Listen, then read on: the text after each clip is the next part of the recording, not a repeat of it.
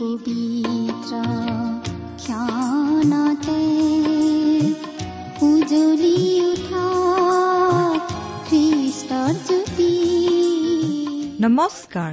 আমাৰ মৰমীয়াল প্ৰভু যীশুৰ মহান নামেৰে আপোনাক এয়া ভক্তিবচন অনুষ্ঠানলৈ আদৰিছো।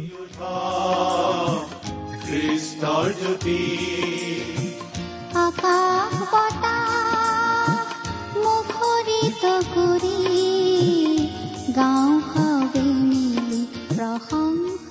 ঈশ্বৰে আপোনাক যি অসীম প্ৰেম কৰিলে তাক যদি অনুভৱ কৰিব বিচাৰে আৰু তেওঁৰ অগম্য বাক্যৰ মৌ মিঠা সোৱাদ ল'ব বিচাৰে তেন্তে আহক আজিৰ ভক্তিবচন অনুষ্ঠানটো মনোযোগেৰে শুনো। এয়া আপোনালৈ আগবঢ়াইছো ঈশ্বৰৰ জীৱন্ত বাক্যৰ অনুষ্ঠান ভক্তিবচন।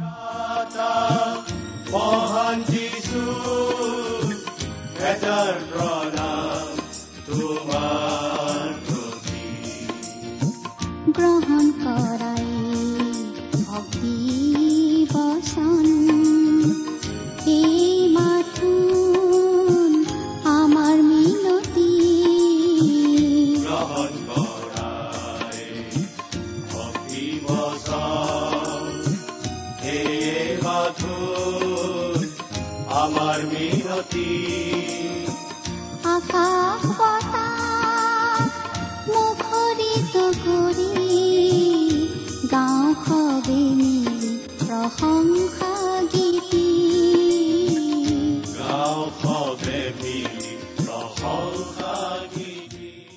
আমাৰ মহান ত্ৰাণকৰ্তা প্ৰভু যীশুখ্ৰীষ্টৰ নামত নমস্কাৰ প্ৰিয় শ্ৰোতা। আশা কৰো আপুনি ভালে কুশলে আছে। লগতে এই বুলিও আশা কৰিছো যে আপুনি আমাৰ এই ভক্তিপোচন অনুষ্ঠানটো নিয়মিতভাৱে শুনি আছে। এই অনুষ্ঠান শুনি আপুনি কেনে পাইছে বাৰু? অনুগ্ৰহ কৰি আমালৈ চিঠি লিখি জনাবচোন। আপোনালোকৰ পৰা চিঠি পত্ৰ পাবলৈ আমি আশাৰে বাট চাওঁ আৰু সেইবাবেই আমি আপোনালোকক অনুৰোধ জনাওঁ আমালৈ চিঠি লিখিবলৈ। অনুগ্ৰহ কৰি আজি এই দুখাৰিমান লিখি পঠিয়াবচোন। আমাৰ ঠিকনা ভক্তিবচন টি ডব্লিউ আৰ ইণ্ডিয়া ডাক বাকচ নম্বৰ সাত শূন্য গুৱাহাটী সাত আঠ এক শূন্য শূন্য এক। ভক্তিবচন T W R India postbox number seventy Guwahati seven eight one zero' zero' one. আমাৰ website W W W dot radio' eight eight two dot com.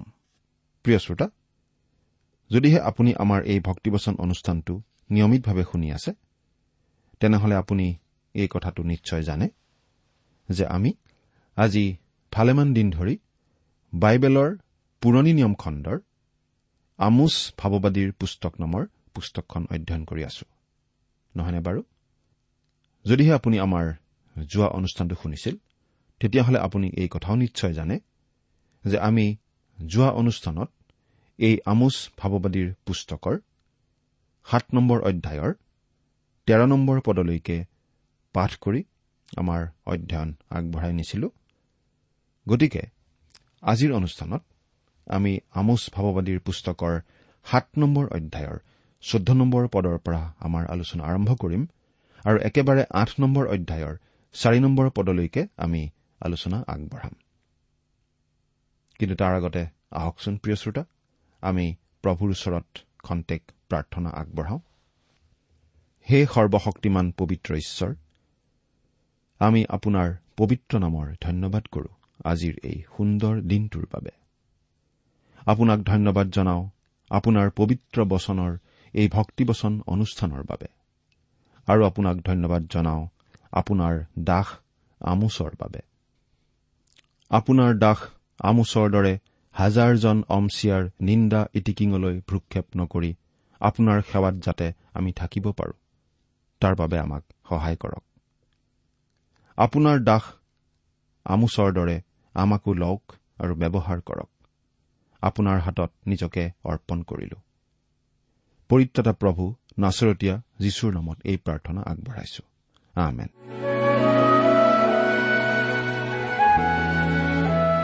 প্ৰিয় শ্ৰোতা আমি ইয়াৰ আগৰটো অনুষ্ঠানত এই কথা চাইছিলো যে গাঁৱৰ মানুহ অতি সাধাৰণ মানুহ আমোচ আছিল ঈশ্বৰৰ মানুহ। আৰু ঈশ্বৰৰ মানুহৰূপে তেওঁ বৰ নিৰ্ভীক আৰু আপোচবিহীনভাৱে ঈশ্বৰৰ বচন প্ৰচাৰ কৰিছিল।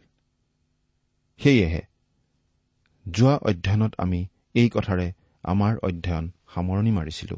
যে আমাৰ খ্ৰীষ্টীয় মণ্ডলীসমূহত প্ৰভুৰ দাস আমোচৰ দৰে আমাক এনে অনেক লোক লাগে যিসকলে গীৰ্জাৰ বেদী মঞ্চসমূহৰ পৰা ঈশ্বৰৰ বচনসমূহ ঈশ্বৰৰ বচনৰূপেই প্ৰচাৰ কৰিব নিৰ্ভীক আৰু আপোচবিহীনভাৱে সাত নম্বৰ অধ্যায়ৰ বাৰ আৰু তেৰ নম্বৰ পদত আমি চালো যে তেওঁৰ পৰিচৰ্যা কামত বাধা হৈছিল ছয়তানৰ দাস পুৰোহিত অমছিয়া যি অমছিয়াই আমোচক হেয় প্ৰতিপন্ন কৰি ইটিকিং কৰি প্ৰভুৰ সেৱাৰ পৰা আঁতৰ কৰি পঠিওৱাৰ যৎপৰোনাস্তি চেষ্টা কৰিছে। তাৰ প্ৰত্যুত্তৰ আমোছে কেনেদৰে দিছে সেই বিষয়ে এতিয়া আমি পাম। পাঠ কৰি দিওঁ। আমোচ সাত নম্বৰ অধ্যায়ৰ চৈধ্য আৰু পোন্ধৰ নম্বৰ পদ দুটা। যদিহে লগত বাইবেল আছে চাই যাব। আৰু যদিহে লগত বাইবেল নাই অনুগ্ৰহ কৰি মন দি শুনিব। পাঠ কৰি দিম। তেতিয়া আমোছে উত্তৰ কৰি অমছিয়াক কলে মই ভাৱবাদী নাইবা শিষ্য ভাৱবাদী নাছিলো। কিন্তু মই পশুৰখীয়া আৰু ডিমৰু আবদাল কৰোতা আছিলো জিহুৱাই মোক ভেড়াৰ জাক চৰোৱাৰ পাছৰ পৰা আনিলে। আৰু জিহুৱাই মোক কলে তুমি গৈ মোৰ প্ৰজা ইছৰাইলৰ আগত ভাৱবাণী প্ৰচাৰ কৰাগৈ। আমোছে যেতিয়া উত্তৰ দিছিল তেতিয়া বৰ শান্তশিষ্টভাৱে আৰু বৰ উপযুক্ত ধৰণে উত্তৰ দিয়াৰ দ্বাৰা প্ৰমাণ কৰি দেখুৱাব পাৰিছে যে তেওঁ বৰ ভাৰসাম্য ৰাখি চলা নিয়মৰ মানুহ আছিল। তেওঁ বৰ উগ্ৰ আৰু ভাৱবাদীৰ ক্ষমতাৰে উত্তৰ দিয়া নাছিল। তেওঁ কিঞ্চিত মানুহ মৌলবাদী নাছিল। তেওঁ কৈছিল মই জানো যে মই ভাৱবাদী নহয়। মই ভাৱবাদী বুলি নিজকে কতো দাবীও কৰা নাই। মই ভাৱবাদী হবলৈ তোমালোকৰ প্ৰশিক্ষণ বিদ্যালয়সমূহলৈকো যোৱা নাই। মই এনেকি ভাৱবাদী এজনৰ পুত্ৰও নহওঁ। মই কেৱল পশুপালক আৰু ডিমৰু আবদাল কৰোতা মানুহহে হওঁ। কিন্তু ঈশ্বৰেই মোক আনিছে। আৰু তেওঁই মোক ভাৱবাণী প্ৰচাৰ কৰিবলৈ আদেশ দিছে।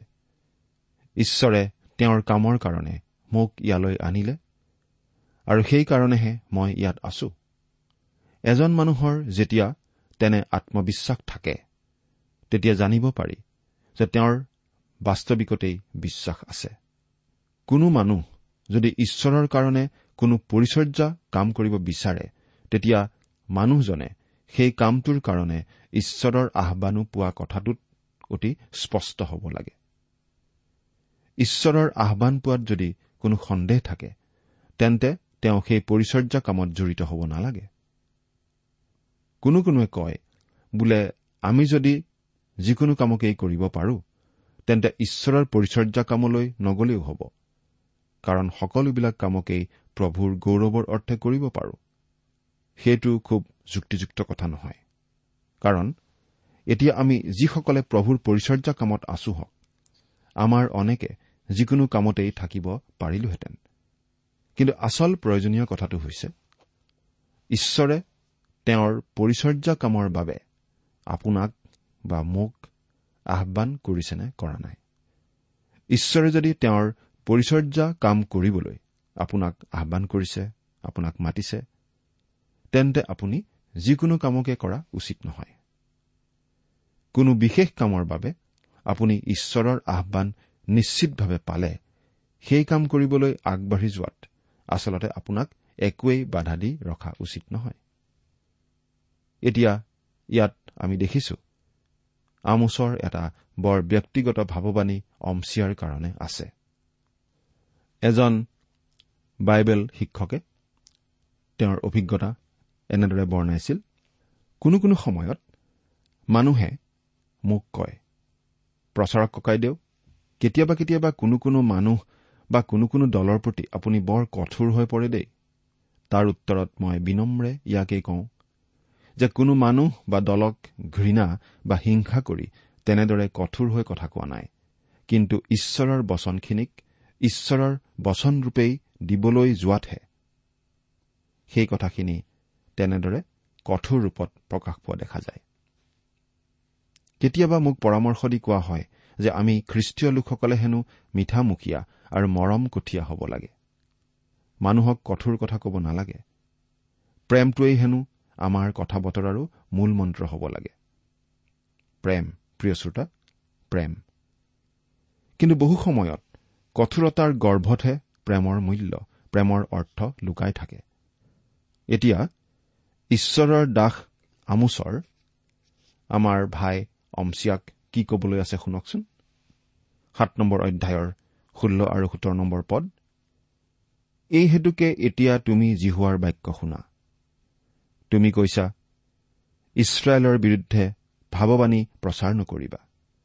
ইছহাকৰ বংশৰ বিৰুদ্ধে বাক্য নবৰখাবা এই নিমিত্তে জিহুৱাই এই কথা কৈছে তোমাৰ ভাৰ্যা নগৰখনত বেশ্যা হ'ব। তোমাৰ পু যিবিলাক তৰোৱালৰ দ্বাৰাই পতিত হ'ব। আৰু তোমাৰ মাটি পৰিমাণ জুৰিৰে ভগোৱা হ'ব। তুমি নিজেও অসুচী দেশত মৰিবা আৰু ইছৰাইলক নিজ দেশৰ পৰা দেশান্তৰ কৰা হ'ব। আমোচ ভাৱবাদীয়ে অমছিয়াক জনাইছিল যে তেওঁক কবলৈ আমোছে ঈশ্বৰৰ পৰা কথা পাইছিল। এই ভাৱবাণী আছিল মনটোক বৰ উগুল থুগুল লগোৱা ধৰণৰ ভাৱবাণী। আৰু এই ভাৱবাণী আছিল বৰ কঠোৰ ভাৱবাণী। কিন্তু সঁচা কথাটো হ'ল যে এই ভাৱবাণী আছিল বৰ সত্য ভাৱবাণী। কাৰণ অচুৰীয়াহঁত যেতিয়া নামি আহি ইছৰাইল আক্ৰমণ কৰিছিল তেতিয়া আক্ৰমণকাৰী অচুৰীয়া পুৰুষসকলে ইছৰাইলৰ তিৰোতাসকলক বেশ্যাত পৰিণত কৰিছিল। ইছৰাইলৰ পু যিবিলাকক তৰোৱালেৰে বধ কৰিছিল আৰু যিবিলাকক বধ কৰা হোৱা নাছিল। সেই সকলোকে বন্দী কৰি অচুৰীয়াসকলৰ দেশলৈ দেশান্তৰ কৰি লৈ গৈছিল। আৰু সোণৰ দামৰিৰ এই পুৰোহিত অমছিয়াকো অচুৰীয়াসকলৰ দেশলৈ দেশান্তৰ কৰি লৈ যোৱা হৈছিল। অমছিয়াৰ ক্ষেত্ৰত আমাৰ ধাৰণাটো আছে যে বন্দী জীৱন কটাই বৃদ্ধ হোৱা অমছিয়াই কিজানি মৃত্যুসজ্জাত পৰি কেকাই কেকাই কৈছিল। সোণৰ দামৰিটোৰ কাৰণে কৰা পৰিচৰ্যাখিনি মই যদি মোৰ জীৱন্ত ঈশ্বৰ জিহুৱাৰ নিমিত্তে কৰিলোহেঁতেন তেন্তে কিমান ভাল হলহেঁতেন। কিন্তু ধিক মোৰ জীৱন। এতিয়া বহু পলম হৈ গ'ল। যিসকলে যেতিয়া ঈশ্বৰৰ বচন দিয়া উচিত তেতিয়াই দিয়া উচিত। আমি পশ্চিমীয়া দেশৰ এজন বিখ্যাত লোকৰ বিষয়ে পাওঁ। ঈশ্বৰৰ দাস সেই লোকজনে তেওঁৰ ৰজাক ঈশ্বৰৰ বচন দিয়াটো কৰ্তব্য আছিল। কিন্তু তাৰ পৰিৱৰ্তে তেওঁ সেই ৰজাৰ লগ লাগি ৰাজনীতিত জড়িত হৈ পৰিছিল। কিন্তু অন্তিম সময়ত মৃত্যুসজ্জাত পৰি থাকি গভীৰ অনুশোচনাৰে তেওঁ কৈছিল জীৱনত মোৰ ডাঙৰ ভুল হৈ গ'ল। মই যিদৰে ৰজাৰ সেৱা কৰিলো তেনে সেৱা আগবঢ়াব লাগিছিল মোৰ জীৱনৰ গৰাকী জীৱন্ত ঈশ্বৰলৈ। কিন্তু এতিয়া বহু পলম হৈ গ'ল। ধিক মোৰ জীৱন। অমছিয়াই ইছৰাইলৰ সন্তানসকলক ঈশ্বৰৰ বচন দিয়া নাছিল। আৰু সেই পশ্চিমীয়া দেশৰ লোকজনেও তেওঁৰ ৰজাক ঈশ্বৰৰ বচন দিবলৈ সুবিধা পায়ো দিয়া নাছিল। কথাটো মন কৰক প্ৰিয় শ্ৰোতা। আপুনি বাৰু ঈশ্বৰৰ পৰিচৰ্যাকাৰী লোক নেকি? যদিহে হয় তেন্তে কাৰ ভূমিকা আপুনি পালন কৰিছে? অমছিয়া আৰু সেই পশ্চিমীয়া লোকজন নে আমোচৰ? ঈশ্বৰৰ পৰিচৰ্যাকাৰী হৈও আপুনি যদি ঈশ্বৰৰ বচন মানুহক নিদিয়ে তেন্তে আপোনাতকৈ ডাঙৰ বিশ্বাসঘাতক কোন থাকিব পাৰে? ঈশ্বৰৰ পৰিচৰ্যা কৰিবলৈ যদি আপোনাক আহান কৰা হৈছে তেন্তে ঈশ্বৰৰ বচন কবলৈকে আপোনাক আহান কৰা হৈছে। আপুনি যদি পৰিচৰ্যাকাৰী ৰূপে ঈশ্বৰৰ বচন খ্ৰীষ্টৰ নামৰ নিমিত্তে দিয়া নাই তেন্তে আপুনি বাস্তৱিকতেই বিশ্বাসঘাতকতাৰ কাম কৰিছে। এই কথাটো কঠোৰ হলেও সঁচা। আমোচৰ কথাৰ নিচিনাই আমি কোৱা কথাখিনিও কঠোৰ হৈছে তাক আমি জানিছো কিন্তু কথাটো হলে সঁচা। আৰু সঁচা কথাবিলাক প্ৰায়েই কঠোৰ কথা। প্ৰিয় শ্ৰোতা সাত নম্বৰ অধ্যায়ৰ অধ্যয়ন শেষ হৈছে গতিকে আমি আঠ নম্বৰ অধ্যায়ৰ অধ্যয়নত ধৰো হওক। এই অধ্যায়টোৰ পৰা আজিৰ অধ্যয়নত মাত্ৰ পাঁচটা কথাৰ বিষয়ে অধ্যয়ন কৰোঁ হওক। এই অধ্যায়টোত পকা ফল থকা পাচি এটাৰ দৰ্শনৰ বিষয়ে আছে। এইটো হৈছে চতুৰ্থ দৰ্শন। আৰু গোটেই আঠ নম্বৰ অধ্যায়টোত এই দৰ্শনৰ বিষয়েই আলোচনা কৰা হৈছে। পুস্তকখনৰ পাছৰ কথাখিনি বুজি পাবলৈ আমি এই দৰ্শনটোৰ অৰ্থ বুজি পোৱাটো বাস্তৱিকতেই বৰ দৰকাৰ। এই দৰ্শনটোৰ অৰ্থ বুজি পালে প্ৰভু যীশুৱে আমাক কোৱা কিছুমান কথা আমি সহজে বুজি পোৱাত সহায় হ'ব। এতিয়া আমি আঠ নম্বৰ অধ্যায়ৰ এক নম্বৰ পদটো পাঠ কৰিছো শুনিবচোন। প্ৰভু জীহুৱাই মোক এইদৰে দেখুৱালে চোৱা এপাচি পকা গুটি। আৰু তেওঁ কলে হে আমোচ কি দেখিছা? ফল মূলৰ বহু কথাই ক'ব পাৰি। আমাৰ অন্যান্য আহাৰৰ লগতে ফলাহাৰ বৰ প্ৰয়োজন। পকা ফল খাই ভাল নোপোৱা মানুহ চাগে আমাৰ মাজত নায়েই। কিন্তু আমি এনেকুৱা মানুহো দেখিছো যিসকলৰ পকা ফলৰ নাম শুনিলেই জিভাৰ পানী পৰে। আৰু আপুনি জানেই যে বহু চৰাই চিৰিকটি আছে যিবোৰে ফলাহাৰৰ ওপৰতেই জীৱন ধাৰণ কৰে। ইয়াত আমোছে ফলেৰে পূৰ্ণ এটা পাচিৰ দৰ্শনৰ কথা কৈছে আৰু এই পকা ফলেৰে ভৰা পাচিটোৰ পৰা আমাৰ কাৰণে এটা শিক্ষা আছে। প্ৰথমতে পকা ফলেৰে ভৰা পাচি এটাই শস্য চপোৱাটোক বুজায়। ফল ছিঙি লোৱাৰ পাছত আমি জানো যে গছজোপাই বা লতাডালে লগে লগেই পুনৰ ফল নিদিয়ে দিব নোৱাৰে। তেতিয়া ডাল আৰু লতাবোৰত ফল নাথাকিব। ফল চপোৱাৰ বতৰো পাৰ হৈছে। বতৰ আহি পোৱাৰ লগে লগেহে তাৰ পাছৰ বতৰত পুনৰ ফল ফলিব। গতিকে তাৰ পৰা আমি দেখিবলৈ পাইছো যে ফলবোৰ যদিও খাবলৈ সোৱাদ আৰু স্বাস্থ্যৰ বাবেও উপকাৰী তথাপি ইয়াৰো একো একোটা বতৰ আছে। আৰু সেয়েহে ফলখিনি চপোৱাৰ পাছত আমি কওঁ বোলে ফল গোটোৱাৰ বতৰ অতীত হৈ গৈছে। দ্বিতীয়তে এপাচি পকা ফলে আমাক এই শিক্ষাও দিয়ে যে পকা ফল বেগাই পচি যায়। কেৱল যে পচে সেয়া নহয় পচা ফলে তাৰ এটা দুৰ্গন্ধও বিয়পাই থৈ যায়। এবাৰ এটা পৰিয়ালৰ তেনে এটা ঘটনাই ঘটিছিল। সুদূৰ এঠাইৰ পৰা আলহী এগৰাকী তেওঁলোকৰ ঘৰলৈ আহি পোৱাৰ কথা আছিল। পৰিয়ালটোৱে আলহীগৰাকীৰ বাবে তেওঁ থকা কোঠা আৰু কোঠাটোত প্ৰয়োজনীয় সকলো যা যোগাৰৰ লগতে ইবিধ সিবিধকৈ দুই তিনিবিধ পকা ফলো এটা পাচিত আলফুলকৈ সজাই ৰাখিছিল। তাৰ পাছতে এই তাঁৰ বাৰ্তা পালে বোলে যাত্ৰাৰ বাবে আসন সংৰক্ষণ বাতিল হোৱাত তাৰ পাছৰ সপ্তাহটোতহে তেখেত আহিব পাৰিব। গতিকে পৰিয়ালটোৱে আলহীগৰাকীৰ বাবে প্ৰস্তুত ৰখা কোঠাটোত এসপ্তাহৰ বাবে তলা ওলোমাই দিলে। কিন্তু তেওঁলোকৰ মাজৰ এজনেও এই কথা মনতেই নেপেলালে যে কোঠাটোত তেওঁলোকে সৰু পাচি এটাত এপাচি পকা ফলো ৰাখিছে। আলহী আহি পাই মানে পাচিৰ সেই পকা ফলখিনি যে গেলি পচি যাব তাকে জানিও পৰিয়ালৰ আটাইকেইজনেই মৰা গৰুৰ দৰে কথাটো পাহৰি গ'ল। এসপ্তাহৰ পাছত সেই আলহীগৰাকী আহি পালে। তেওঁৰ বাবে ৰাখি থোৱা সেই কোঠা খুলি দিয়া হ'ল। কোঠাটো খুলি দিয়াৰ লগে লগে কেইবাবিধ পচা ফলৰ অদ্ভুত আৰু উৎকট এবিধ গোন্ধই অতিথি আৰু গৰাকী সকলোকে আক্ৰমণ কৰিলে। এখন টেক দৌৰা দৌৰি হৈ চৈ লাগিল। গেলি পচি যোৱা ফলখিনি আঁতৰ কৰা হ'ল। কত ধোৱা মোচা কৰা আৰু সুগন্ধি দ্ৰব্য ব্যৱহাৰ কৰাৰ পাছতো তাৰ বিয়পি পৰা গোন্ধখিনি কিন্তু ৰৈ গ'ল। এইদৰে আমি জানিব পাৰো যে এপাচি পকা ফলখিনিৰ পৰা আমাৰ বাবে এই শিক্ষা আছে যে মানুহ এগৰাকী পকা ফলৰ দৰে ব্যৱহাৰৰ উপযোগী লোক হলেও ঠিক সময়মতেই তেওঁ ব্যৱহৃত হ'ব লাগিব। প্ৰিয় শ্ৰোতা যিসকল লোক বৃদ্ধ হৈ পৰিছে তেওঁলোকে বহুতে উঠোতে উহ আহকে উঠিব বহিব লগা হয়। হয়তো তেওঁলোকে বহু বছৰ ধৰি ঈশ্বৰৰ পৰিচৰ্যা কৰি আছে।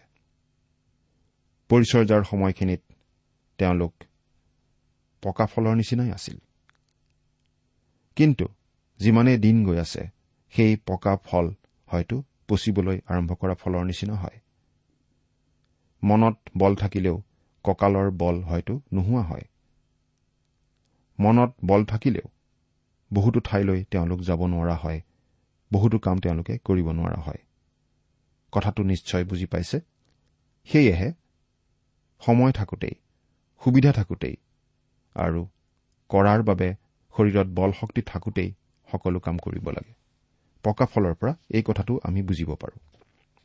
আঠ নম্বৰ অধ্যায়ৰ দুই নম্বৰ পদ। আৰু মই কলো এপাচি পকা ফল। তেতিয়া জিহুৱাই মোক কলে মোৰ প্ৰজা ইছৰাইল লোকসকলৰ অন্ত উপস্থিত। মই তেওঁলোকক আৰু ক্ষমা নকৰিম। আমি আগতেও পাইছিলো যে ইছৰাইলৰ পাপ অপৰাধ ক্ষমা কৰিবলৈ আমোছে প্ৰাৰ্থনা কৰাত ঈশ্বৰে সেই প্ৰাৰ্থনা শুনিছিল। আৰু ইছৰাইলৰ লোকসকলক ঈশ্বৰে ক্ষমা কৰিছিল। কিন্তু এতিয়া পকা ফলৰ পাচিয়ে এই ইংগিত দিছে যে ফল চপোৱাৰ বতৰ অতীত হৈ গৈছে।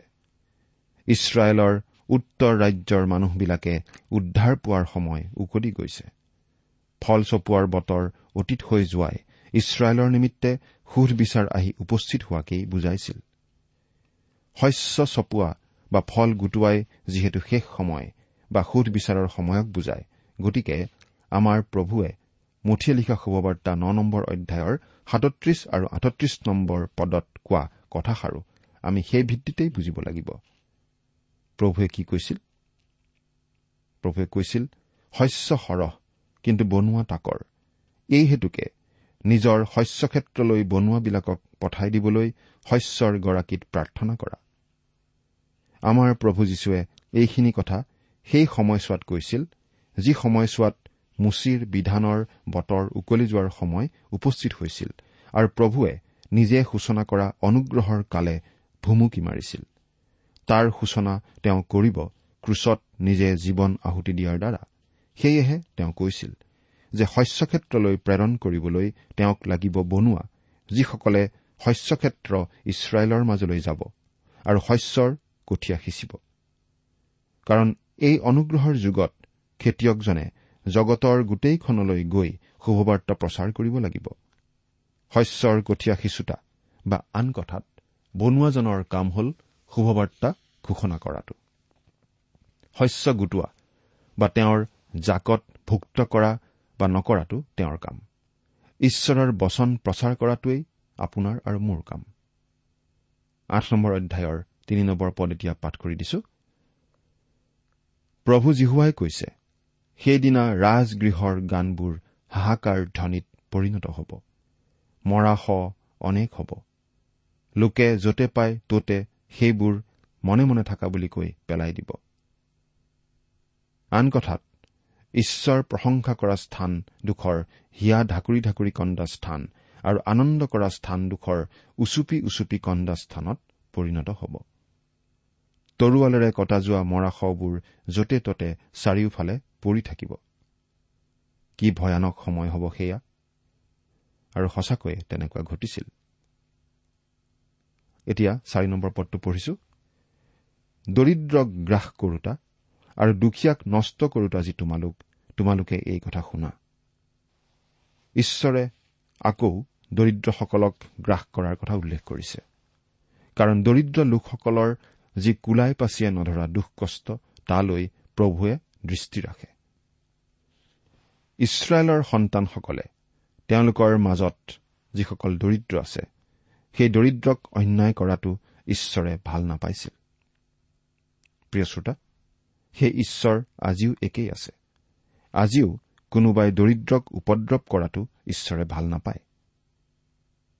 প্ৰিয় শ্ৰোতা দৰিদ্ৰৰ প্ৰতি আপোনাৰ ব্যৱহাৰ বাৰু কেনেকুৱা? আপোনাৰ সেই ব্যৱহাৰত ঈশ্বৰ সন্তুষ্ট হয়নে? চিন্তা কৰি চাওকচোন। ঈশ্বৰে আপোনাক আশীৰ্বাদ কৰক। আহমেদ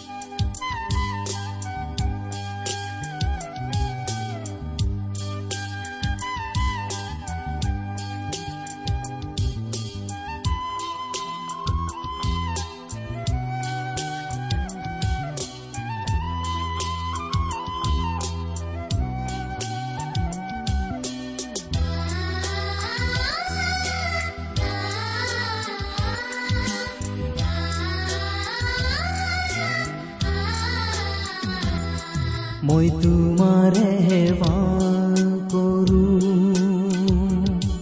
মই তোমাৰে সেৱা কৰো। মই তোমাৰে সেৱা কৰো। পিছলে উভতি নাযা। তোমাৰ আগতিৰ নত কৰি যদি যাব পাৰো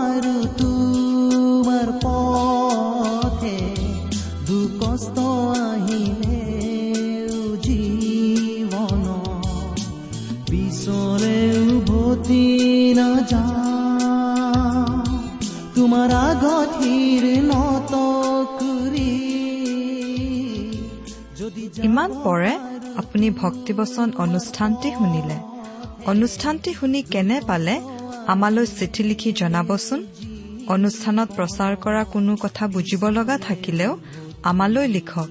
আমাৰ ঠিকনা ভক্তিবচন টি ডাব্লিউ আৰ ইণ্ডিয়া ডাক বাকচ নম্বৰ সাত শূন্য গুৱাহাটী সাত আঠ এক শূন্য শূন্য এক। ঠিকনাটো আৰু এবাৰ কৈছো ভক্তিবচন টি ডাব্লিউ আৰ ইণ্ডিয়া। ডাক বাকচ নম্বৰ সাত শূন্য গুৱাহাটী সাত আঠ এক শূন্য শূন্য এক। আপুনি ইমেইল যোগেৰেও আমাৰ সৈতে যোগাযোগ কৰিব পাৰে। আমাৰ ইমেইল আইডিটো হৈছে Assamese T TV at radio' eight eight two dot com. আইডিটো আকৌ এবাৰ কৈছো। Assamese T TV at radio' eight eight two dot com আপুনি টেলিফোনৰ মাধ্যমেৰেও আমাক যোগাযোগ কৰিব পাৰে। আমাৰ টেলিফোন নম্বৰটো হৈছে শূন্য তিনি ছয় এক দুই ছয় শূন্য চাৰি ছয় সাত এক। ফোন নম্বৰটো আকৌ এবাৰ কৈছো zero' three six one two six zero' four six seven one আজিৰ অনুষ্ঠানটি ইমানতে সামৰিছো। ঈশ্বৰৰ শান্তি আৰু অনুগ্ৰহ আপোনাৰ লগত থাকক। ধন্যবাদ।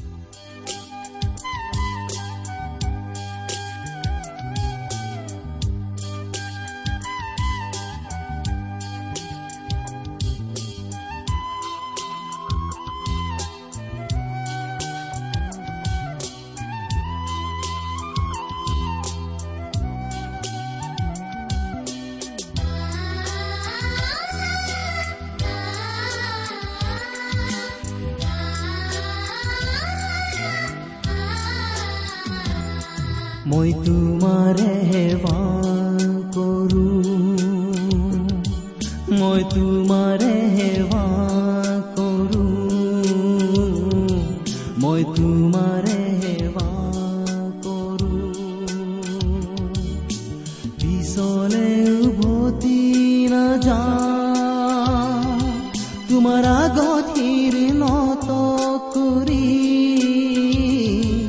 যদি যাব পাৰো তোমাৰ পথে দুকষ্ট আহিলে জীৱন পিছলে উভতি নাযা তোমাৰ আগতিৰ নত কৰি যদি যাব পাৰো তোমাৰ পথে আহিলে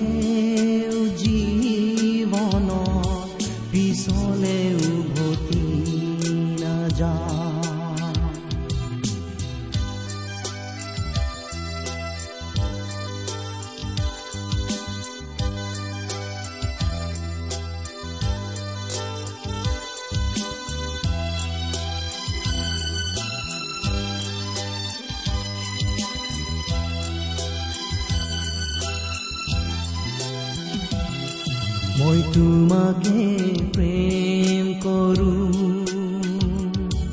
মই তোমাকে প্ৰেম কৰো। মই তোমাকে প্ৰেম কৰো। পিছলে উভতি নাযা তোমাৰ আগতিৰ যদি যাব পাৰো তোমাৰ পথে দুকষ্ট আহিলে